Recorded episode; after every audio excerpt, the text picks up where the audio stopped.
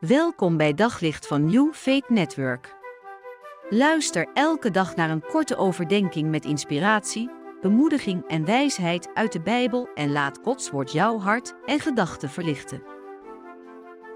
Vandaag sta ik graag met u stil bij een prachtige tekst in het Nieuwe Testament geschreven in de brief aan de gemeente van Filippi, hoofdstuk 1, vers 6.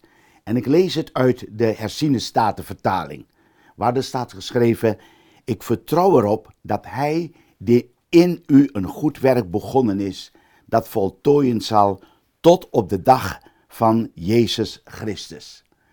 Ik vind het zo prachtig dat God niet alleen maar de initiatiefnemer is om met jou en mij, ons mensen, in contact te komen, maar dat er ook zo expliciet staat geschreven dat Hij het goede werk in ons is begonnen.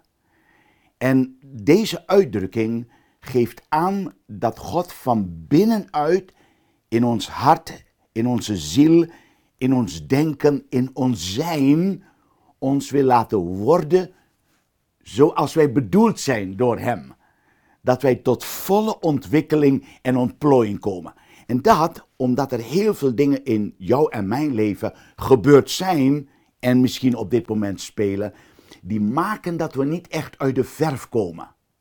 Met het goede geeft de Bijbel daarmee aan dat God het beste met jou op het oog heeft. Ik kan me herinneren dat er door de profeet Jeremia in het Oude Testament een, wordt geschreven in naam van God dat God gedachten van vrede en niet van onheil over jou en mij koestert. Maar juist gedachten van vrede om ons een heilvolle toekomst te geven. En dat komt op een prachtige manier in het uiting. En wat is dan het goede dat God in ons begint?